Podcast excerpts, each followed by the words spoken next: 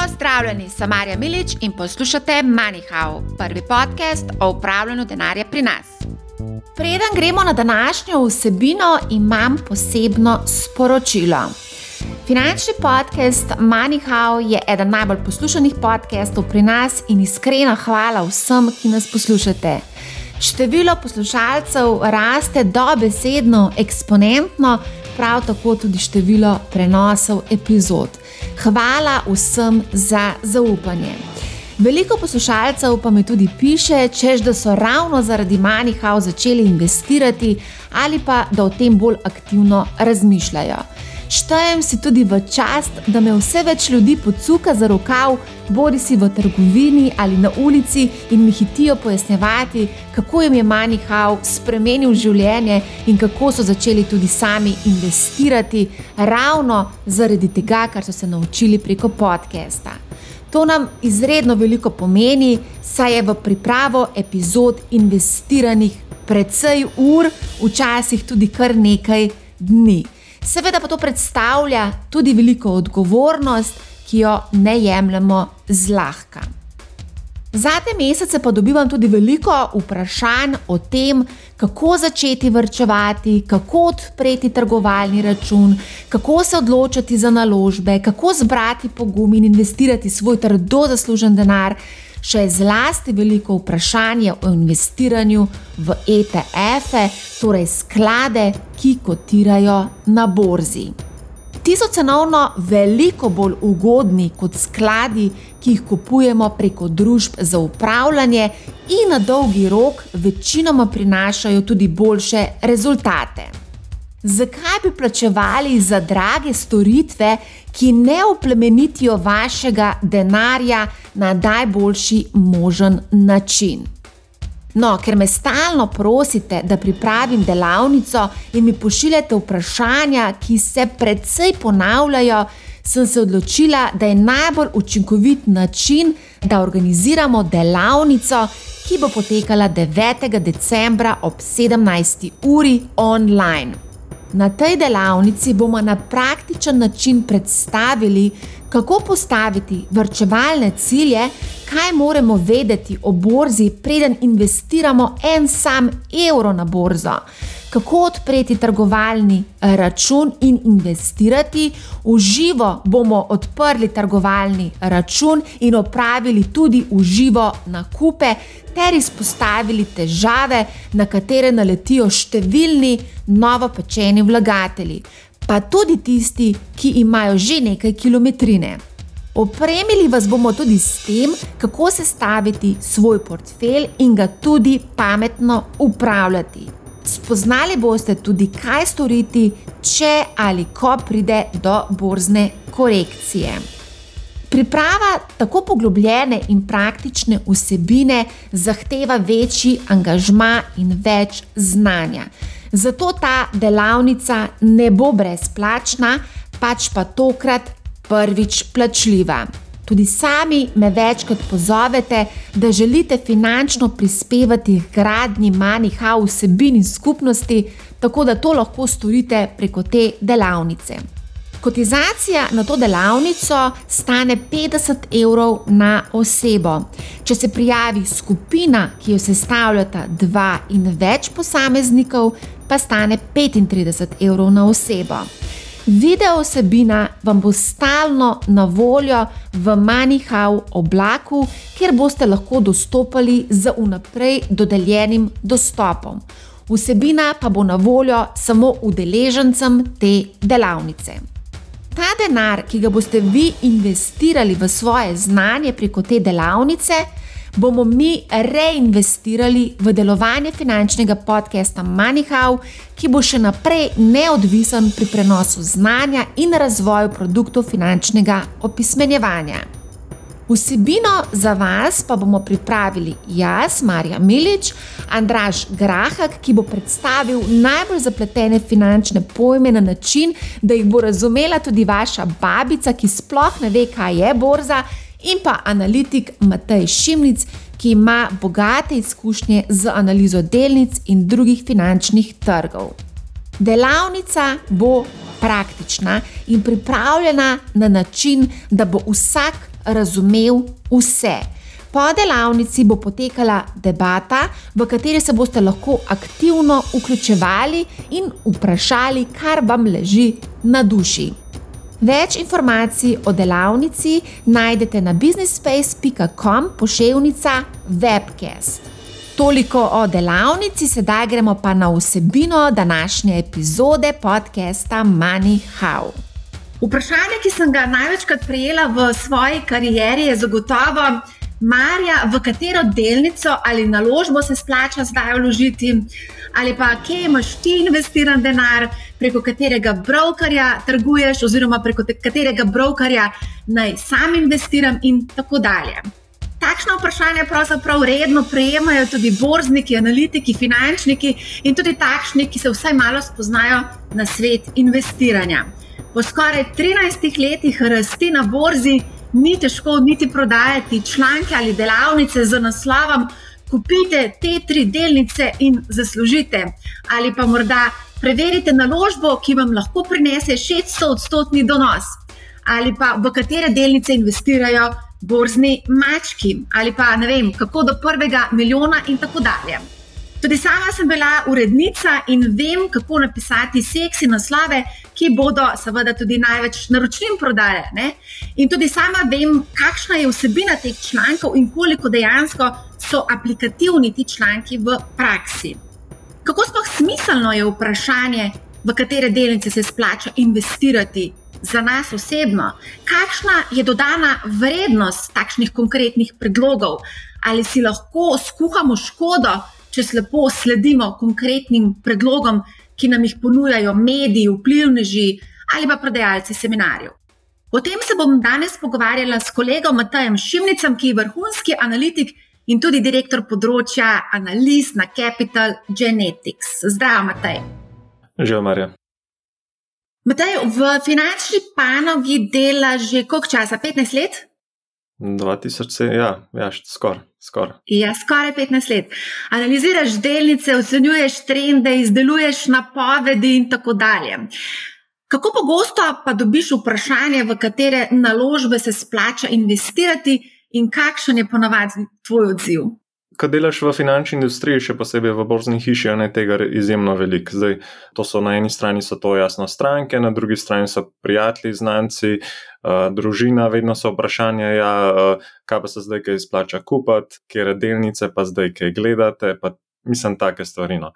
In je zelo težko dati odgovor, zaradi tega, ker enostavno nikoli ne veš na eni strani, koliko časa ta nasprotna stranka oziroma ta potencijalen kupec te delnice pač posveča temu in ne vem, ali bo. Ali bo potem še vedno zdržal nek stik in sprašal, ali ima še to delnico, ali se jo še splača držati ali karkoli, zgubi se stik in potem lahko nekdo pač ostane v portfelju slabo naložbo, medtem ko, ko recimo nekdo, ki je priporočal to delnico, že zdavnaj izstopil iz pozicije. Jaz mislim, da je to izredno odgovoren način. Um, ko gledam, recimo, druge, kako v bistvu opletajo s temi nasveti, in ni nekega potem opozorila, ne, uh, kaj v bistvu lahko pričakuje potem vlagatelj, če se zgodi to, uno, tretje. Ni nekega follow-upa. In zdi se mi, da je to lahko izredno, da je izredno odgovorno, takšen način komunikacije s potencijalnimi interesenti. Ja, je, je pa to normalno za, za finančno industrijo oziroma industrijo tega svetovanja nasplošno. Tudi, tudi v Ameriki recimo, je veliko teh, tam imajo te newsletterje, ker se naročaš na te finančne nasvete. Jih je ogromno, recimo, takih, di, ki, ki ni nekega stop-lossa oziroma ne priporočajo nekega zapiranja pozicije, niti ne vodijo nekih portfeljev. In je zelo malo takih, ki, ki dejansko zasledujejo neko odgovorno ravnanje in, in, in priporočajo tudi stope in se ukvarjajo več s slabimi naložbami in tistimi, kjer potencijalni sledilec uh, uh, pač zganja paniko, kot pa tistimi, ki so dobre. Ja, to pa ni najbolj seksi, ja. in to težko prodaš.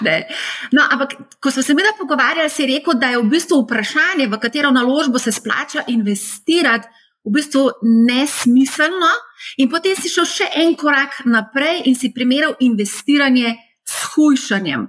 Ali lahko mogoče predstaviš ta tvoj pogled?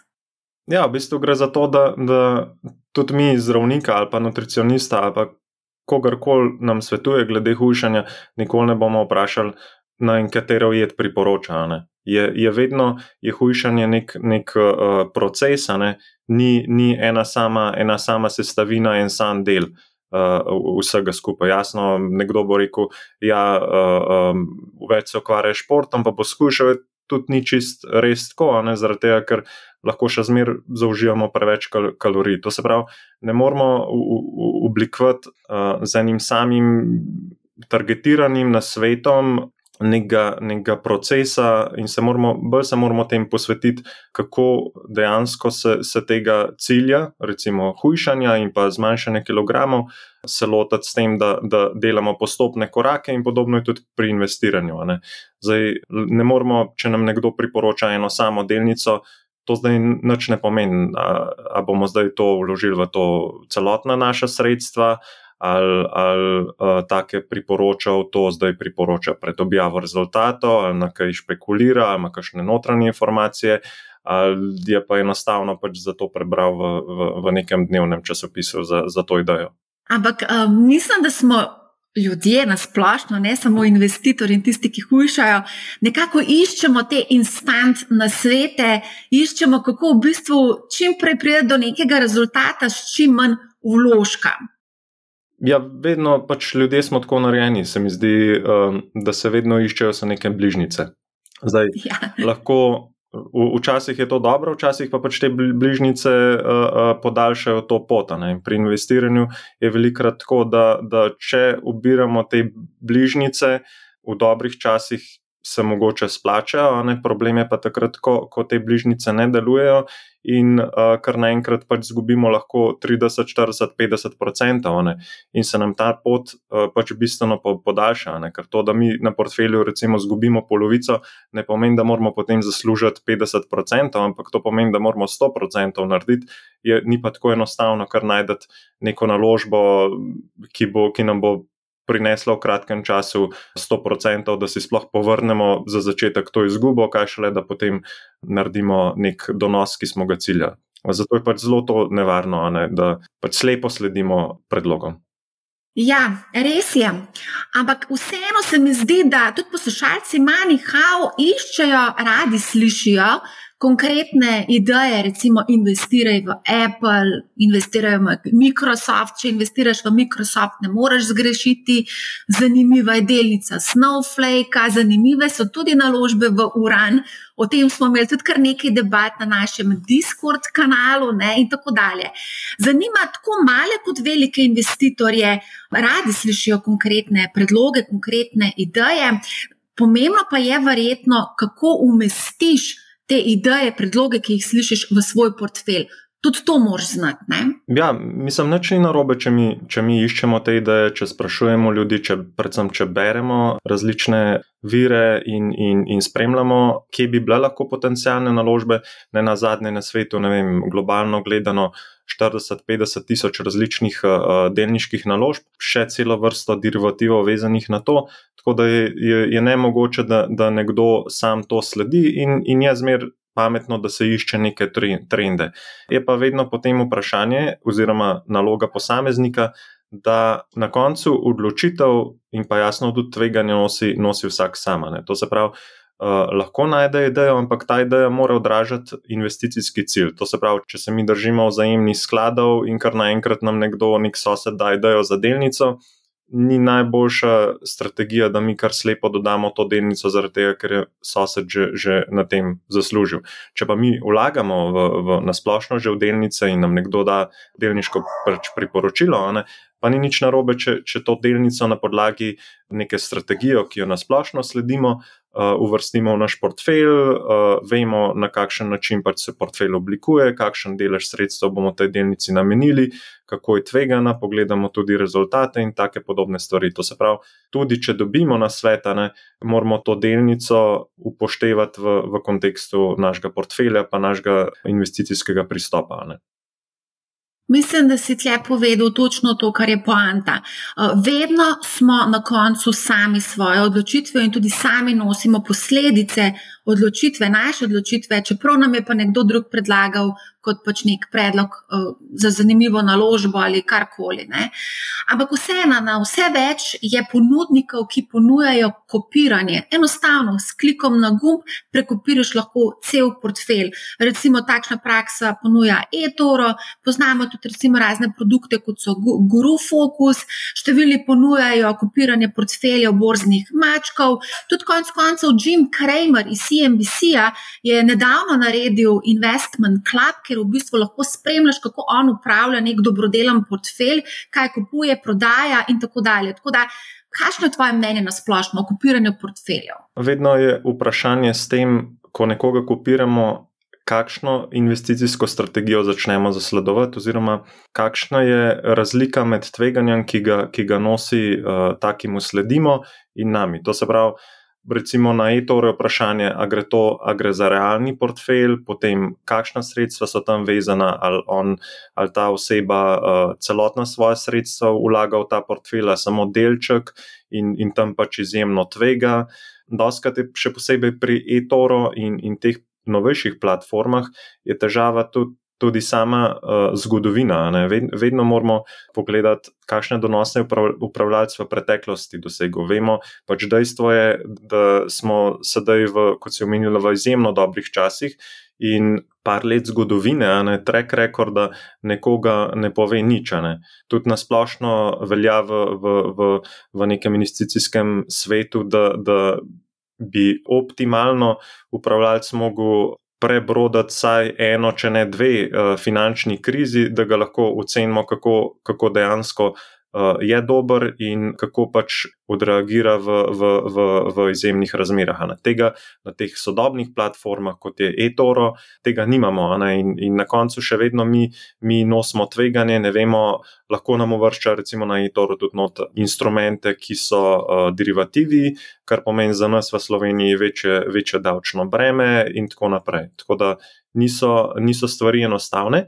Druga stvar je pa tudi ta, da je tudi sam upravljalec oziroma sam nekdo, ki, ki mu sledimo, prinaša določeno tveganje. In tudi pri delnicah želimo razpršiti svoj portfelj in tukaj, tukaj je smiselno, če se že odločimo za nekoga, da mu sledimo, da to ne delamo s celotnim svojim premoženjem, da mogoče en del namenimo enemu, en del drugemu, in tako naprej, da, da, nismo, da nismo odvisni vse od nekoga in mu pač slepo zaupamo. O kupiranju portfeljev na e-toru smo se pogovarjali tudi z Matejem iz Cerknice, ki nam je v bistvu razkril. Um, kako samo upravlja portfelj, uh, v katere delnice investira in kakšno odgovornost prevzema, ker čuti se odgovoren, ker mu sledi več tisoč ljudi po celem svetu pri upravljanju premoženja, je pa tudi res, da potrebuješ imeti neke izpite narejene, da, to, da ti lahko postaneš v bistvu neki influencer na e-toru. Pa vseeno, tudi moramo povedati, mogoče to, kar je Toni Jukič izpostavil v podkastu o trgovalnih platformah, da se pa pač. Producira neka vsebina na strani brokerja s konkretnimi predlogi, ravno z namenom, da se nekako spodbudi trgovanje se pravi, da kupuješ, prodajaš, da si aktiven trgovalec, ampak statistika za aktivne trgovalce, pa tudi vemo, kakšna je. Večina na dolgi rok zgubljene. Ja, to je, pač to je stvar pristopa. Ne. Sploh ti aktivni trgovalci je pogosto tako, da pač mora, mora biti ustrezen pristop tudi k, k aktivnemu pač trgovanju. In če, če mi spremljamo nekega aktivnega trgovalca, mogoče mi kot opazovalci, oziroma ko slišimo nek intervju na, na, na spletu ali na, na, na televiziji, ne, slišimo nek pri, priporočil, v resnici pa mi ne poznamo njegove strategije in ne vemo, da, da recimo ta, ta oseba, da, da, da so njegovi tradi oziroma njegove naložbe uspešne samo v 30% primerov. To, to je za nekoga nepredstavljivo, ne, da, da te aktivni trgovalci dejansko delajo samo na, na 20 do 30 odstotkih naložb donose, in da na drugih 70-80 odstotkov uh, omejujejo izgube. In pač, če mi samo malo zgrešimo ta pristop in, in narobe obtežimo, oziroma prepozno delamo poteze, ne, hitro te izgube na 80 odstotkih naložb požrejo vas dobiček na ostalih, in potem se zgodi pač to, kar se je omenilo. Moram priznati, da sem se pred časom pogovarjala z nekim mladeničem, ki mi je povedal, pač ponosen je bil, da je investiral v delnice oziroma ETF-e, in je s ponosom tudi povedal, da je investiral v ARK Invest preko e-tora ni pa vedel, da je investiral preko CFD oziroma izvedenega finančnega inštrumenta. Te napake se zelo hitro lahko zgodijo, sploh na teh platformah. Um, pa verjetno, opazili smo tudi v preteklosti, je bilo tudi kar nekaj takih primerov, da so ljudje investirali v napačno naložbo, se pravi, da so kupili nekaj, kar v bistvu uh, ni bilo priporočilo ali pa ni bil predlog uh, posameznika, ki je to pač predlagal. Ne? To je um, nekaj običajnega, to, to so v bistvu se na ta način se, se dogaja, če, če mi dobro ne preučimo naložbe. Ne. Če, če impulzivno se odločamo za naložbe, če ne pogledamo, kaj dejansko podjetje dela, kam vlaga skladane. In to, do tega tudi pride, oziroma že v preteklosti prihajalo tudi do, do izkoriščanja tega. Ne.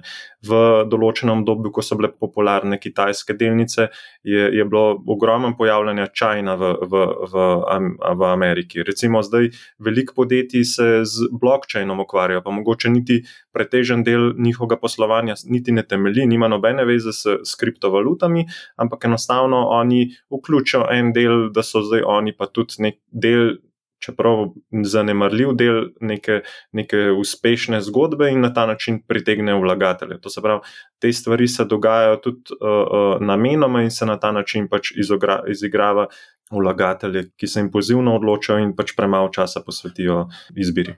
Zdi se mi pa tudi zadnje čase, ko se pogovarjam z ljudmi, da imajo na nek način pravo sračje gnezdo naložb kar mečejo vse skupaj noter v neko košaro, in ni neke rdeče niti ali pa neke zgodbe v ozadju, ampak so pač neke. Nekaj so slišali od nekoga, in potem so tudi šli v akcijo, ker pač od nekoga, ki ima nekaj pojma, nekako si predstavljajo, da se potem tudi to splača, v to splača investirati.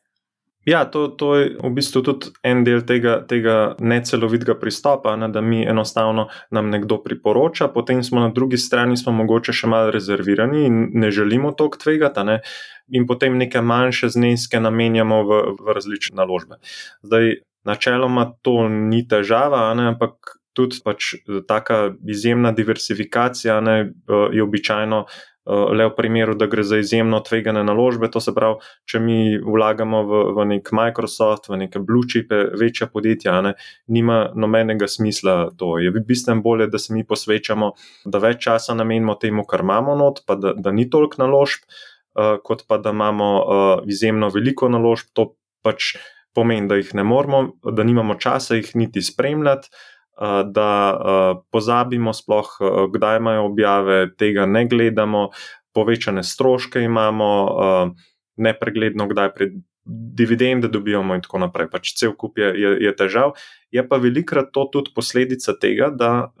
Da ljudje, recimo, kupijo naložbo, ki potem jim vredno spade, in enostavno se ne upajo soočati s tem, da, da je treba pač zaključiti zgodbo, pri, priznati to, da, da je bila odločitev napačna, da podjetje ne posluje tako, kot smo mi pričakovali, in pač uh, se čaka in čaka in čaka, da bo zlezla spet na vsaj na nulo. In posledica pač tudi tega je zanimivo, da, da zaradi tega tudi prihaja do teh zakaj recimo drseče sredine na, na, na, na borznih cenah delujejo, zakaj tako imenovane podpore delujejo, naravno zaradi tega, ker se na teh točkah taki vlagatelji potem odločajo, da, da pač rečejo, evo, zdaj sem pa končno na nuli, zdaj bom pa to prodal. In zaradi tega se tudi cene delnic psihološko gibajo tako kot se ene. Ja, mislim, da je ravno zaradi, verjetno zaradi kriptovalut, ne, se mi zdi, da je v bistvu se nekako vzgojila neka posebna sorta, sorta vlagateljev, se pravi, recimo takšni, ki kupijo naložbo, jo držijo,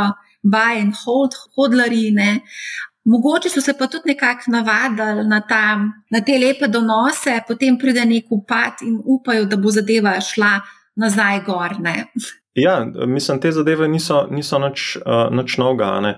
Vedno moramo probati najti neke usporednice z zgodovino. To se pravi, kjer, kjerkoli je to možno, uh, se, se pač se probamo opreti na nekaj, kar je bilo mogoče videno. Ne. In to, kar se na kripto svetu dogaja, ne, se je dejansko na delniških trgih verjetno dogajalo, med, oziroma vsaj približno tako v tem dotcom bublu. To se pravi od, vem, recimo, od 90-ih do, do, do 2000. Ne.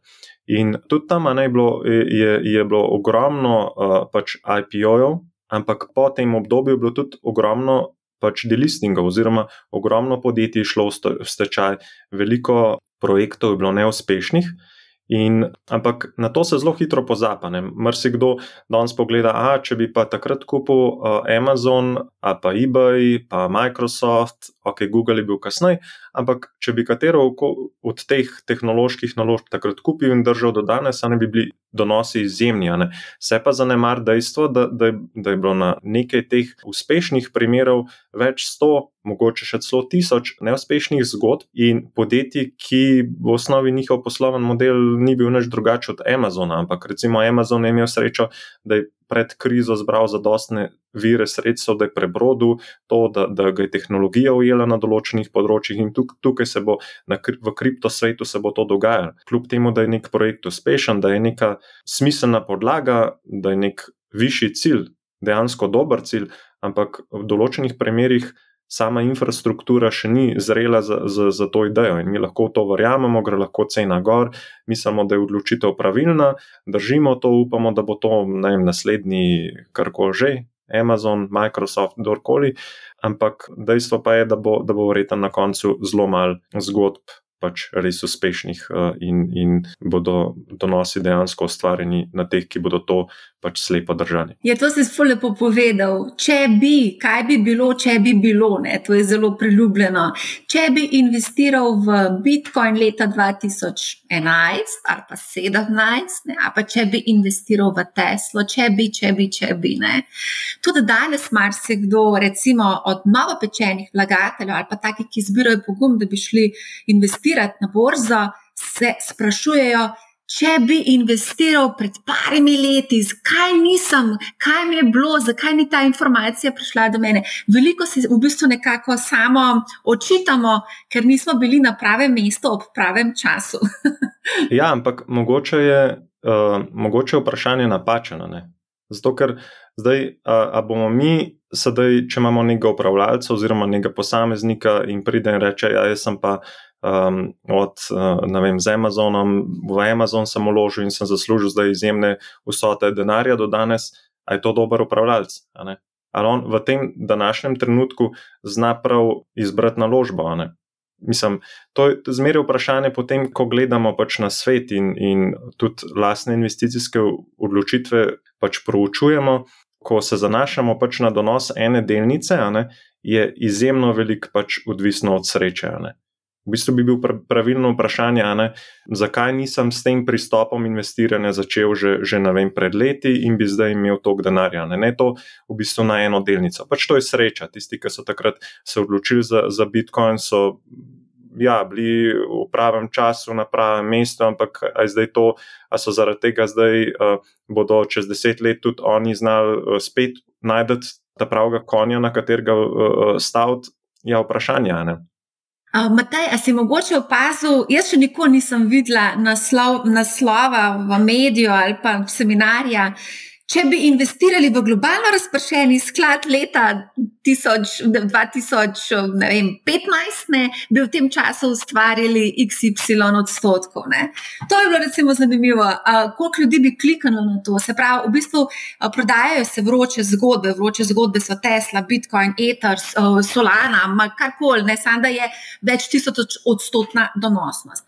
Zdaj, ko že omenjaš razpršene portfelje. Eh, koliko je pa pomembna recimo ta razpršitev portfelja, ker obstajajo neka pravila palca tudi, recimo, da od 100 odšteješ eh, starost svojo in to razmerje določiš med delicami in obveznicami, recimo, da si star 40 let, se pravi 100 minus 40 pomeni, da investiraš 60 odstotkov v delniške naložbe in 40 odstotkov v obvezniške naložbe. Zdi se mi, da to pravilo palca uporabljajo tudi pokojninske družbe v skladih življenjskega cikla. Moje vprašanje, oziroma jaz pa nekako moram reči, glede na to, če upoštevamo uh, življenjsko dobo človeka, recimo 40-letnika, ki bo živel recimo tam do 80-85 leta, jaz mislim, da to pravilo palca je precej za časom in bi ga bilo potrebno posodobiti. In menim, da je to nepravilno razmerje za 40-letnika, 60-40. Kaj pa tvoje mnenje? To je te zelo teoretično vprašanje ne? in zelo velik Uh, v bistvu en, en je ta tvoj pogled, ne, v, v, v strokovni javnosti se pa še bolj kot to se, se diskutira o tem, ali je v, v tem obdobju pač tok nizkih obrestnih mer sploh smiselno uh, vlagati v obveznice, oziroma kakšen je sedaj ta razmerje v tem okolju.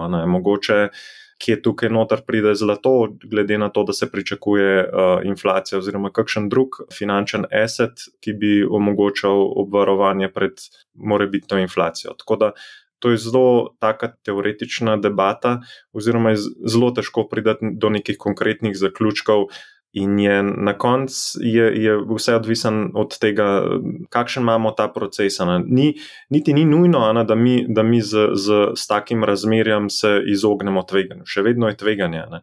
In še vedno z drugimi pristopi lahko mogoče samo z delniškim portfeljem dosegamo enako, enako tveganje. A pa z, z derivativi. Pač to je stvar, stvar uh, dejansko tveganje, je stvar pristopa, ne toliko od tega, kakšne naložbe imamo mi v portfelju. Ja, s tem smo se tudi pogovarjali z Blažem Hribarjem iz uh, pokojninske družbe A, ki je v bistvu ravno to izpostavil, da, problem, da so v tem trenutku ravno problem obveznice in da v bistvu iščejo alternative, torej iščejo donose na alternativnem trgu, oziroma oni konkretno v nepremičninah. Ne. To je tudi v bistvu tako zanimiva zadeva. Um, Dejva mogoče prej si omenjal traderje ne, in pa njihov, njihov pogled na investiranje. O tem smo se mi dva že veliko pogovarjali in sicer o enem zelo znanem traderju, ki je za njegov posnetek intervjuja zaokrožil po spletu. Gre za Marka Minervinija, ki je na CNBC-u razlagal, kako je on sred septembra stavil na kratko, kako je investiral v Tesla, Upstart, MGM in ne vem, katero vse podjetje oziroma delnice. In je seveda o tem tudi veselo razlagal, potem pa ga je voditelj ustavil in ga vprašal, s čim se pa ukvarja uh, Upstart. Ne? In ta trader je bil kar malce v zadregi, tudi zelo nespretno se je potem izklopil iz oddaje in ta posnetek je potem seveda zaokrožil, kaj, kaj bo njegov problem, kaj, zakaj, zakaj ni mogel povedati, kakšna je njegova dejansko strategija investiranja javnosti. Mislim, ne, ne vem, zakaj ni, ni, um, ni šel v to, da, da, bi, da bi razkril to, oziroma zakaj ni, ni imel poguma, uh, ker je znano, tudi on, prodaja uh, tečaje, tudi javno je, je, je razkrito, kakšna je njegova strategija, oziroma približno kakšna je njegova strategija. On se pač zanaša na breakoute oziroma na trade, uh, investicijske odločitve, sprejema na podlagi uh, gibanja cene. Zdaj, zakaj pa ni povedal, je pa pač vprašanje. Je pa dejstvo, da to je en od pristopov in v takem primeru pač taki investitorji oziroma traderji niti ne poznajo, kaj podjetje dela. Pač zanašajo se na teorijo, ki ni nič novega in se upira na to, da cena na borzi odraža, uh, najbolje odraža podjetje. To se pravi, ne glede na to, kaj podjetje dela, kako podjetje posluje in tako naprej, vse se na koncu odraža v, v ceni. In to je ena od, od strategij, in pač nič ni narobe. Tudi, recimo, to, da mi sledimo ne, nekomu, ne, ni nič novega, tako kot si sama prej omenila, nekateri uh, pač sledijo znanim vlagateljem. Ne. To je pač. Podatki ne, glede hedge skladov ne, so razkriti na, na ameriški agenciji za vrednostne papirje. To se pravi, vsak lahko vsako četrtletje pogleda z pač določenim zamikom, kaj je recimo imel v, v portfelju Buffett, in drugi pač zelo znani uh, vlagatelji in lahko sledi tem naložbam oziroma njihovim portfeljem. Je pa tukaj, tudi tukaj težava, ne, da moramo slediti pravim ljudem. Ne, ker na eni strani mi lahko pač sledimo Buffetu, ki vlaga za običajno tudi za nekaj leta, pa tudi desetletji v določene podjetja. Ne. Na drugi strani imamo pa tudi recimo Renaissance Technologies, ki je verjetno naj, najbolj uspešen hedge sklad na svetu v zgodovini. Ampak sledenje temu skladu nima, nima nobenega smisla, tega, ker oni uh, uporabljajo algoritme in, in izkoriščajo kratkoročne anomalije. In enostavno ni pametno slediti takim vlagateljem. Najdemo pa mnoge druge, recimo, ki so poznavalci biotech sektorja, ki so poznavalci tehnološkega sektorja, ki so poznavalci uh, rudarskih podjetij in tako naprej. Tako da na, na spletu je ogromno pač zanimivih informacij in zanimivih, izjemno uh, pač pametnih ljudi, ki, ki, se jim, ki se jim da slediti. Ne? In tudi Minervini je pač z določenega vidika obstajajo tudi zadržki pri njem v, v strokovni uh, javnosti, ampak uh, tudi on je, je ena od oseb, ki, ki se jo sledi. Uh, je pa dejstvo, da moramo vedeti, zakaj, zakaj mu sledimo, in uh, ne smemo pričakovati, da je on Upstart kupil in ga, ga danes še vedno držijo. Tako da moramo se zavedati tega, kakšen ima on trgovalni pristop in na kakšen način moramo pač mi temu slediti. Dejstvo je, pa to je treba, po moje, kar upozoriti, da vsi ti podatki pridejo skrb precej z velikim zamikom do nas. In preden se mi odločimo investirati ali pa posnemati nekoga, je lahko on že desetkrat spremenil svojo pozicijo. Ampak zanimivo mi je to, ko praviš o Minerviniju, um, da v bistvu on niti ne gleda dejavnost podjetja, ampak ga zanima samo cena in določeni kazalniki, ki jih spremlja, in ostalo mu je pač nepomembno.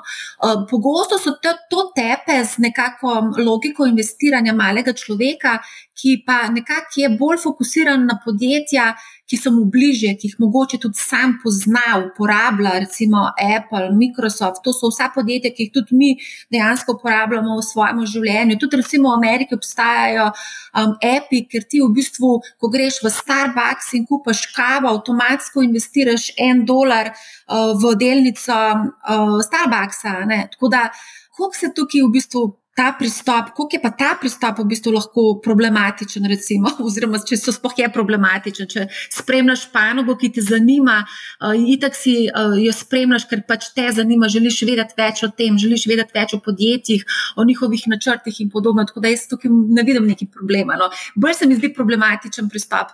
Minervinija, za me, z vidika malega vlagatelja, govorim, ne, ki ne trade aktivno. Ampak... Ne, se tam miner, Minervini v bistvu, zdaj, kaj podjetje dela, mu je zanimiv zgolj z vidika, da zasleduje vroče sektorje. Tako da določen pogled še vedno ima, ne ve točen, kaj podjetje dela, približen, ok, tehnološke mogoče pri Upstartu gledajo samo, da, da je nek tehnološki sektor, pri električnih vozilih pa mogoče malo že. Je pa dejstvo, ja, da malim vlagateljem in nasplošno pač običajnim ljudem so te pristopi traderjev nelogični oziroma jim niso naravni. Zaradi tega, ker. Uh, velikrat je tako, tudi izkušnje iz preteklosti so tako, da, da stranka ne razume, če ji rečeš, ja, delnico kupite, če bo, če bo, recimo, da je vrednost delnice danes 95, ne, in stranki pač razložiš, da ja, ta delnica bo pa zanimiva, ko bo vrednost presegla 100 dolarjev in pač te uh, običajno čudno gleda, zakaj ti ocenjuješ, da bo delnica zanimiva, pa potem, ko bo enkrat dražja. A ni logika v tem, da uh, kupimo delnico, ko je cena, in jo prodamo, ko, ko bo dražja. In v bistvu celoten koncept in vse, kar se iz medijev in tako učimo, je, je čisto drugačen, kot, kot, pa, kot pa je pač razmišljanje nekih, nekih takih traderjev in je, in je zadeva povsem uh, uh, nenaravna. Kar se pa tiče tako potem za naprej, je pa, je pa ljudem vedno zanimiva zgodba. Se pravi, niti ne delnica kot taka, kot je recimo Minervinijo, samo zaradi gibanja cene, a ne vlagatelje vedno zanima, zanima zgodba, kaj dela, kako jo lahko predstaviš, da, da je zanimiva, uporabljaš njihove izdelke, a mogoče ima eh, podružnico v Sloveniji. Vedno, vedno je to za vlagatelje bolj zanimivo, je pa potem rata težava, da prvič. Se zanašamo na izdelke, ki jih mi poznamo, ne? in to se pravi, lahko zgrešimo pač celotno sliko podjetja. To je ena stvar. Druga stvar je, da postanemo pač balivari. Ne želimo priznati, da mogoče produkt ni dober, ali pa, ali pa mogoče mi ne vidimo, da, da, da produkt ni dober in še vedno ga uporabljamo, in potem pač zaostanemo za, za, za vlagatelji, še posebej z vidika, ker vlagatelje ne zanima, kakšen je produkt danes. Resne institucionalne vlagatelje ne zanima, ali je iPhone dober, ali je iPad dober, ali je iOS dober, ali, je, ali, so, ali so produkti dobri. Pač vlagatelje zanima, kaj je v pipelinu kaj bo naslednji boom, kaj bo, v čem se bodo te produkti v prihodnje izboljšali, kje bo prišlo do, do, do nižanja stroškov in podobne stvari. In če mi gledamo nek produkt, ki ga uporabljamo, pa spremljamo lastno, uh, lastno odločitev, mi zanemarimo uh, velik del uh, zgodbe, ki je vlagateljem, resnim vlagateljem, veliko bolj zanimiv. To je pa prihodnost. Tukaj pa mi moramo posvetiti nekaj časa temu, da spoznamo panogo, da vemo, kakšni so konkurenti, da vemo, kje so nevarnosti za podjetje, da mogoče v prihodnje ne bo tak tržen delež, ali pa da bo kakšna zadeva tudi pač neuspešna, kakšen projekt. Ja, jaz se s tem strinjam. Meni se zdi, da so načrti izjemnega, izjemnega pomena in pa tudi pogled naprej v prihodnost, ne tako par let, ampak mogoče kar nekaj desetletij. O tem smo predvsej govorili, o nekakšnih pričakovanjih, kaj se bo dogajalo v ne vem. Obdobju 5, 10, 15, 20 let ne, prihajajo vse milenici in podedovali bojo ogromno, ogromno premoženja, in kaj bojo počeli s tem denarjem danes. To vprašanje muči številne iz finančne panoge, ki poskušajo nekako priti v možgane milenicev in zelenicev. Tako da, ja, o tem se vedno je fajn vprašati, pa mogoče tudi spremljati trende, kam gremo in uh, te zadeve. Zdaj, ko govoriš o teh o pričakovanjih, ne, na Bloombergu je ena fulfajna funkcija ANR, ker v bistvu analitiki dajo svoje priporočila. Ne? In ti tam greš pogledat, izbereš si delnico, ki te zanima, in dobiš seznam številnih uh, družb, ki dajo svoje poglede, drži, kupi, prodaj. Jaz moram priznati, da sem tudi sama večkrat organizirala kakšne dogodke in pisala članke na temo drži, kupi, prodaj določeno delnico. Zdaj ti praviš, mi pa smo se večkrat o tem pogovarjali, pa se tudi nismo vedno strinjali o vseh teh zadevah. Ti praviš, da je to brez veze. Zakaj? Mm, še posebej v Ameriki je dejstvo, da investicijske banke pač upravljajo uh, storitve za, za vsa ta večja podjetja. Ne? In ni skrivnost, da, da bo JP Morgan, ne vem, za General Electric, uh, uh, mogoče svetovalec pri vem, napovedani razdružitvi, ali da jim bo pomagal aranžirati dolg, in tako naprej. In ta priporočila so v določeni meri, naj ne bi bila, ampak vseeno so obstajajo določeni konflikti. Vse investicijske banke želijo sodelovati s Facebookom, s Googlom in tako naprej, zato so potem plačane, na drugi strani ne, se pa lahko potem pojavi. Če drugega ne, pač neformalen pritisk na analitika, da priporočilo ne odraža pač dejanskih pričakovanj. Ne. Prvič je, je že ta pričakovanja v osnovi zelo težko narediti, ne, kot drugo je pa potem lahko še ta pristranskost. Ne. In to so raziskave in tudi pač določene knjige in tudi. Eh, dejansko tudi investicijske strategije so, ZAX, recimo, eh, ki je tudi ena od spletnih strani, je, je v okviru tega projekta bila napisana tudi knjiga, oziroma okrog tega, že deset let nazaj, se spomnim, ko sem začel v, v finančni industriji, sem jo bral. In sicer je tematika v tem, da je našo investicijsko odločitev bolj oblikovati, oziroma bolj učinkovito oblikovati na to, kako se giba pričakovan dobiček. To se pravi, kako, kaj analitik pričakuje z vidika pričakovanega dobička, ne pa toliko zaradi samega priporočila. Ker vsi ti analitiki so vključeni v, v tekmovanje oziroma v nek benchmarking pirov. In je za njih zelo pomembno, da ne zgrešijo napovedanih dobičkov, oziroma da, da se čim bolj približajo pač realnim, eh, dejanskim, potem objavljenim rezultatom, in tam so v bistvu odločitev o tem, ali so dobri, ali so slabi, se odloča na podlagi tega, ne pa na podlagi priporočila. Recimo. Tako da mi v teh analizah vseeno lahko najdemo zanimive uh, informacije, na podlagi katerih lahko sprememo to odločitev. Moramo pa tudi tukaj vedeti, ne, da priporočilo mogoče ni najboljši, pač najboljša informacija za to.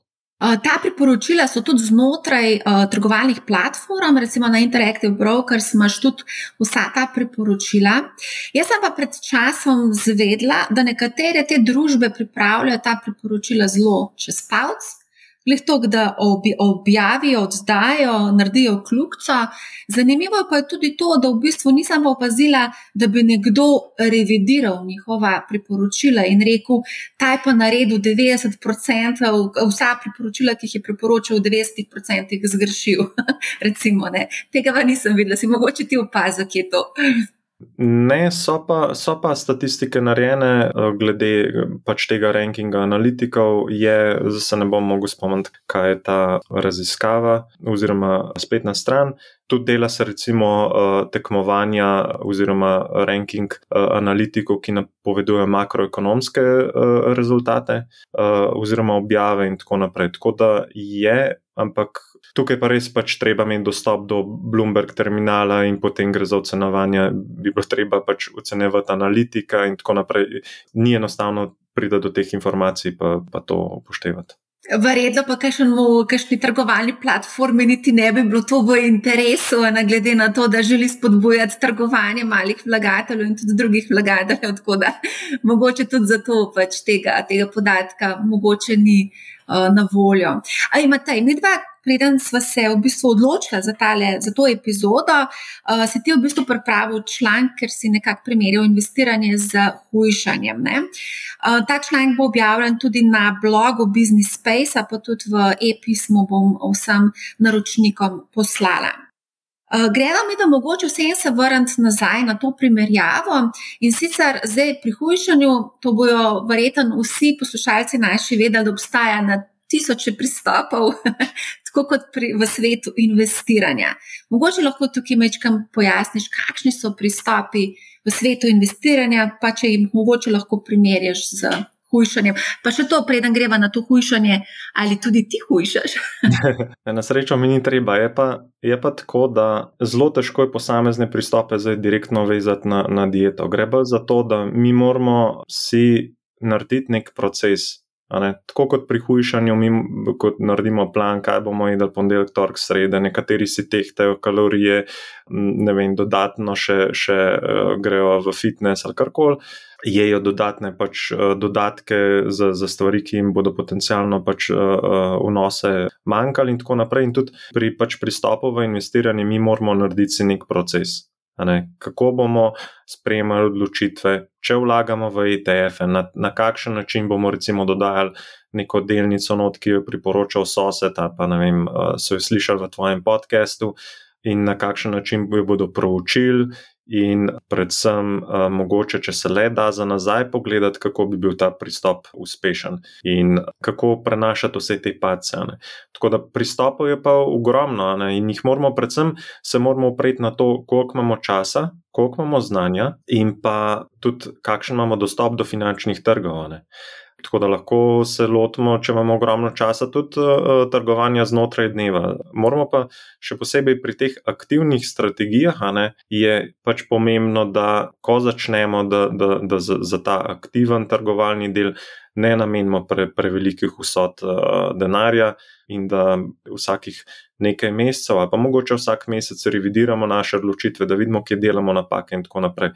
Tako da tukaj gre bolj kot je aktivno trgovanje, bolj je časovno to potratno in tudi več časa moramo namenjati temu, da, da proučujemo našo investicijsko strategijo. Medtem ko za te enostavne metode, kot so jo prej omenili, recimo, da vsakih pet let, pa naj vsako leto uravnamo delež med delnicami in obveznicami, glede na starost, ne, je zadeva relativno časovno nepotratna in vse, kar moramo pač samo upoštevati, neke davčne obveznosti oziroma davčne učinke na, na, na te spremembe portfelja. Ne. Zdaj, ko meniš prehranska dopolnila, tle moram se malo umešati. Jaz sem pred leti napisala en članek o prehranskih dopolnilih in koliko denarja zmečemo za prehranska dopolnila. Naredila sem res poglobljen research. Ta članek je bil tudi izbran za najboljši članek v Sloveniji in je bil tudi na poti v Bruslu, oziroma je bil v Bruslu na uh, pač dodatnem izboru. Ne?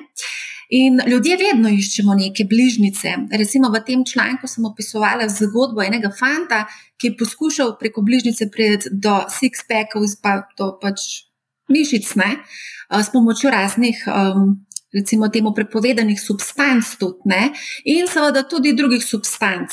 Um, Poleg tega je pa treba povedati, da vse te prehranske uh, dopolnila uh, ponujajo tudi strokovnjaki v fitness centrih, pa razni prehranski strokovnjaki in nam v bistvu na nek način prodajo nekaj, kar v bistvu ne rabimo. To pa tudi vidimo v svetu finančnega uh, svetovanja oziroma prodaje finančnih produktov, ker kot še enkrat bom povedala, pri nas ni neodvisnih finančnih svetovalcev, so samo prodajalci finančnih produktov. Uh, in so pripravljeni v bistvu ljudje plačati 100-200 evrov uh, na mesec za v bistvu ne samo za, trene, za trenerja, za nek svetovanje, ampak tudi za dodatke. Tele se mi zdi, da je kar velik uh, problem. Ne, Ker ljudje v bistvu iščejo neke bližnjice, iščejo hiter način do zaslužkov, do post lepe postave, ta želja po tem hitrem nas ponavadi lahko kar precej kaznuje.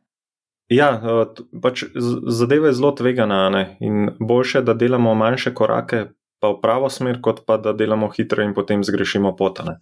Uh, naš, tako kot smo na začetku omenili, nas, nas to lahko uh, traja dlje pač traja dlje časa. Kar se tiče na svetu, je pa tako, noč ne robe, če mi na svetu upoštevamo. Ne? Moramo jih pa razumeti. Veliko velik je tega, da na koncu pristajamo z, vem, z velikim številom nekih vzajemnih skladov, ki so v osnovi uh, vezani na isti trg, ampak in To je samo zaradi tega, ker je vem, bil svetovalec plačan malo več v določenem času z strani določenega upravljalca, ne, da zauja, kot pa v, v nekem drugem obdobju in potem nam pač prodaja tisto, kar se njemu naj, najbolj splača. Vedno, vedno se moramo vprašati, kaj je motivacija uh, svetovalca, da nam to priporoča. Idealno pa je, da je plačilo svetovalca čim bolj vezano na, na dejansko uspešnost njegovega predloga. To je običajno zelo težko dosegati, ne, da, bi bil, da bi bil plačan na uspeh, ne, ampak moramo težiti k temu, no, da je na svet, pač, da je ta tveganje vsaj malo porazdeljeno, no, oziroma da, da je bolečina porazdeljena. Če se vrnemo na, na te e-toro, uh, uh, vlagatelje, ki jim recimo sledimo, a tam je pač gre, gre za to. Ne, če, osebi pade portfelj in istočasno tudi sledilcu, ona pač posledično oba nosta bolečino. Zato je, kot sem prej omenil, zelo pomembno, ona, da mi vemo, kakšen delež premoženja ta oseba, ki ji sledimo, uh, ima vloženega v to, ne, in da pač ta razmerje bolečine ne, uh, znamo oceniti. Mislim, da smo še daleč od takega načina svetovanja v Sloveniji, žal. Čeprav mogoče je, je rešitev, da je vezano na uspeh. Ne. Zdaj, um, v tem članku tudi pišeš o samodisciplini, ki je ključna ne samo pri hujšanju, ampak tudi pri investiranju. Jaz bi rekla, da samodisciplina je nasplošno potrebna pri upravljanju svojega denarja, ampak ne samo denarja, tudi premoženja. Ja, nujno, če si postavimo nekaj ciljev, če si postavimo neko pot, če vemo, kje, katere korake moramo v procesu narediti, da se moramo vsak mesec usesti ali pa naj vsako leto uh, usesti in določene stvari z našim portfeljem narediti in pač določene stvari pregledati, uh, je nujno, da to pač tudi delamo. Če vemo, da, bomo, da, da bomo vlagali v posamezne delnice, da, bomo, uh, da moramo za, za ta investicijski pristop uh, vsako četrtletje pregledati rezultate podjetij, ki jih imamo v portfelju, in tako naprej, moramo že pač na začetku se soočati s tem, da, da to moramo narediti, ali pa izberemo drugačen pristop. Noč ni narobe, če, če, pa, če se že na začetku rečemo, da ja, ne bo se nam dalo vsak četrtletje pač s tem ukvarjati, ne, pa če bi trajal si kupil nek uh, eh, ETF in je, in je stvar zaključena. Če bodo objave kakšne slabe, ok, ne, se bo zakrilo, pač gre vse en za notri za, za, za 100, 200. 500 podjetij ne, in ne bo tako vpliv, nič ni narobe s tem. Ne. Važno je samo, da, da če se odločimo pač za, za neke korake, da jih potem pač delamo tako, kot je bilo zastavljeno, a pa če to ugotovimo, da potem spremenimo, stra, spremenimo strategijo. Ne. Vidim, da res nimaš izkušenj s hujšanjem. Samo disciplina pri hujšanju, sploh tam okrog novega leta in po novem letu, izredno, izredno visoka pa, pa kar mal dol pade. V roku enega meseca vsi pozabijo na te cilje in plane. Tako da je samo disciplina izrednega pomena. Zato sem pa tudi jaz v bistvu nekako rekla, um, nekako svetujem ljudem, da si poskušajo stvari čim bolj avtomatizirati. Tako da ti v bistvu samo pregledaš, če je stvar bila sprovedena. Ne? To sem recimo predlagala v podkastu oziroma epizodi, kako upravljam svojo plačo. Naprimer, ne? Tako da si nekako olajšamo življenje, pa tudi sodobna tehnologija nam dejansko tudi danes omogoča avtomatizacijo. Ja, ogromno je, zelo veliko je, je danes e, že vsega na spletu, od roba advisorjev do, do mogoče določenih korakov, ki jih lahko sami naredimo. Pregledujemo pač, kakšne multiplikatorje ima podjetje, katere podjetja v redu poslujejo, kakšni so trendi dobičkov, pač vse se to že, že brez plačila najde, najde na spletu. Tako da danes so zadeve uh, se premaknile precej naprej v primerjavi z, vem, z desetimi, petnajstimi leti. Res je. Zdaj v članku omenjaš tudi eno zelo zanimivo zadevo, vizualizacijo. Kaj v bistvu pomeni, kako si vizualiziraš investiranje? Ali si postaviš cilj v smislu, kako do prvega milijona ali pa do 100 tisoč evrov, ali pa ne vem, kako si to predstavljaš?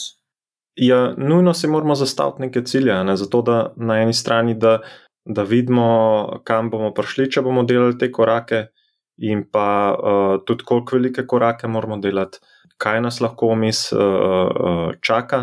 Ampak ta vizualiz vizualizacija cilja je pomembna zato, da imamo neko motivacijo, da se tega sploh lotimo. Uh, še posebej, ko, ko gre za, za, za ta mesečno plačilo, recimo v, na, na finančne trge z namenom vrčevanja za pokojnino, je, se danes pač se teh 100-200 evrov mesečno zdi uh, noč, a če si pa mi vizualiziramo in, in cilj. In si preračunamo, in vidimo, koliko bo to čez 30-40 let, kakšni zneski bodo, ne, je pa to čist uh, neka druga motivacija, ne, da pristopimo k temu cilju in pa uh, da, da začnemo delati to pot. Je se enako tudi pri hujšanju, da začneš ja. lepo počasi in na hladilnik si nalepaš tiste six-packe, se se hecam. Drugač pa ja, smo imeli že kar nekaj teh primerjav, tudi sama sem jih že večkrat omenjala v epizodah. Recimo, ljudje si zelo enostavno znajo predstavljati, da če recimo daš 20 evrov na stran in, in vrčuješ teh 20 evrov, mogoče 10-15 let, si potem lahko kupiš kakšno garsonjero nekje, ne, sicer mogoče ne v Ljubljani, v kakšnem manjšem mestu. Uh, tako da to, si, to smo že imeli te pri, primerjave, počasi se daleč pride, pa z malim se lahko res veliko tudi ustvari. Ne. Mislim, da sva več ali manj obdelala vse, mogoče, če lahko neko sklepno misel daš, kaj lahko danes mali vlagatelj odnese od tega pogovora, pa Matej, res imajo v mislih, da niso vsi analitiki tako kot ti in da ne razmišljajo tako analitično kot ti. Ja, jaz mislim, da je predvsem pomembno to, da, da, da se vsak lot tega čim prej pa pač, da si, da si najde vire, da si, da si sam poišče stvari, ker veliko krat, ko iščemo stvari sami, ko iščemo odgovore, ko iščemo strategije, ko iščemo pristope, vmes preberemo še ogromno. Ali pa večino informacij je, je povsem v, v drugo smer, in velikrat najdemo raven tam kakšne ideje, kako se potem uh, vsega tega uh, lotiti. Je jasno, je ogromno na spletu teh, teh idej, številne so pač niso primerne za vsega, ne, ampak je, pomembno je to, da, da, da čim prej pač s tem začnemo, da, da začnemo vrčevati, da začnemo investirati, da se z manjšimi vložki začnemo spoznavati s finančnim trgom, pa da smo pač pri teh korakih previdni, da, da nas to, ta šola preveč ne stane.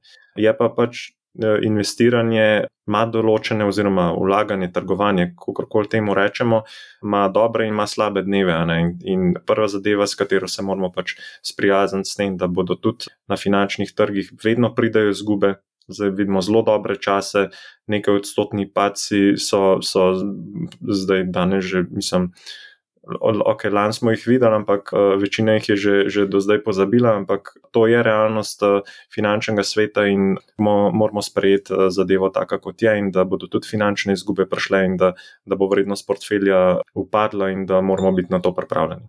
Ja, res je. Zdi se mi, da kar mal pozabljamo, da bo prišla tudi ta kriza, da, bo, da bodo tečaji upadali in da nas bo bolelo, lahko upadejo za 50-60 odstotkov, in mi v bistvu moramo biti tudi na to pripravljeni. Ne smemo pozabiti, da se to pač ne bo zgodilo. Um, kar se pa teh informacij tiče, teh informacij je na spletu res ogromno. Jaz zelo rada propagiram, pa nisem plačana za to. Spletno stran Investopedija, tam dobiš res veliko, veliko zanimivih, kakovostnih informacij, tudi neodvisno pripravljenih. Vseeno pa tudi opažam, da številni ljudje, kljub temu, da veliko krat eh, in sami mi pojasnjujemo, tako na Discordu, kot v podcastih, oziroma v epizodah podcasta, eh, kot tudi osebno odgovarjamo na maile, pa opažam, da pa vsem je, da ljudje rabijo neko pomoč, ravno s tem namenom. Pa smo se tudi odločili, da pripravimo eno delavnico in sicer na najbolj pogosto zastavljeno vprašanje, ki smo ga prijeli v zadnjih nekaj mesecih, in sicer kako začeti investirati kako začeti investirati v ETF-e, na kaj biti pozoren pri investiranju, konkretno v ETF-e. To je zelo vroča tema med poslušalci Manihau. In zato, Matej, smo se odločili narediti na Manihavu delavnico in ti boš del te delavnice, kjer boš v bistvu predstavil konkretne predloge, kako se lotiti investiranja skupaj z Andražem Grahkom in seveda z menoj. Bomo vse to predstavili na zelo, zelo praktičen način. Ali lahko mogoče poveš, kaj bi recimo tebi bilo v največjo korist kot investitorju, začetniku, pa recimo te informacije nisi dobil, pa bi mogoče ti zelo koristila. Na začetku tvoje investitorske poti. Pa takrat, okay, takrat so bili drugi časi, ni bilo uh, teh trgovalnih platform, ta pocen, neugodnih, pa ni bilo interneta, internetnih strani, pa raznih investopedij na tak način narejenih.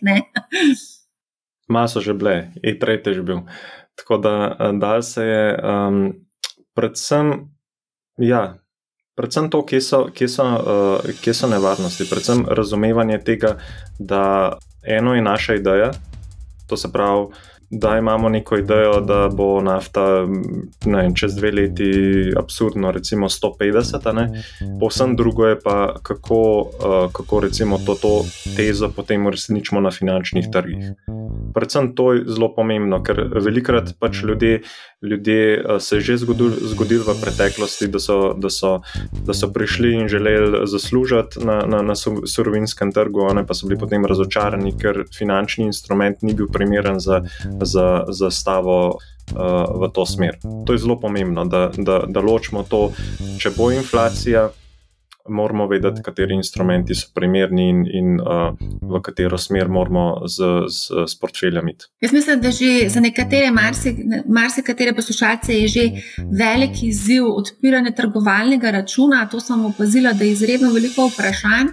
Številni imajo probleme tudi s tem, kako v bistvu nakazati denar na brokerja, kako to narediš, da se ti pomesečno ponavlja. Ne.